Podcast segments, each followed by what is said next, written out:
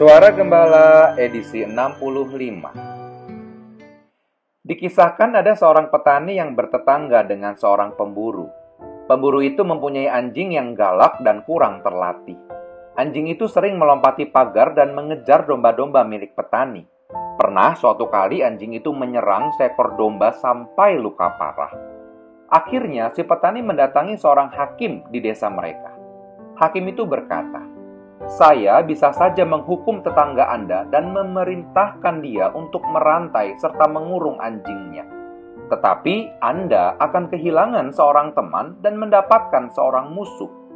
Mana yang Anda inginkan, teman atau musuh yang jadi tetanggamu?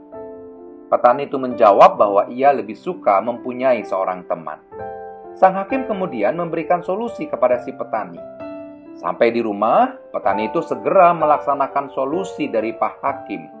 Dia mengambil seekor anak domba terbaiknya dan menghadiahkannya kepada anak tetangganya yang berusia lima tahun.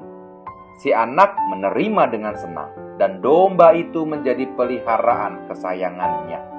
Demi menjaga domba baru milik anaknya, si tetangga membuat sebuah kandang besar untuk si anjing di pojok rumahnya. Sejak saat itu, si anjing tidak pernah mengganggu domba-domba Pak Tani.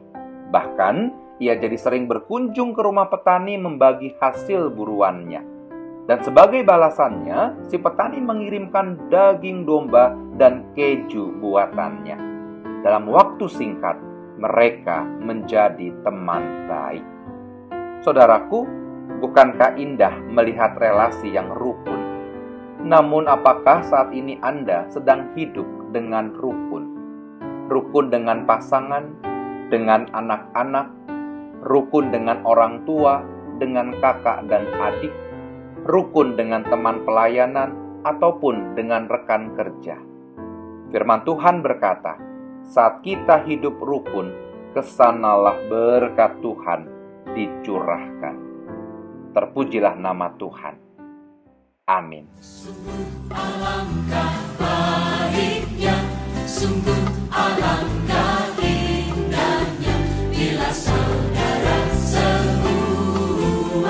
hidup rukun bersama. Sekali lagi katakan, sungguh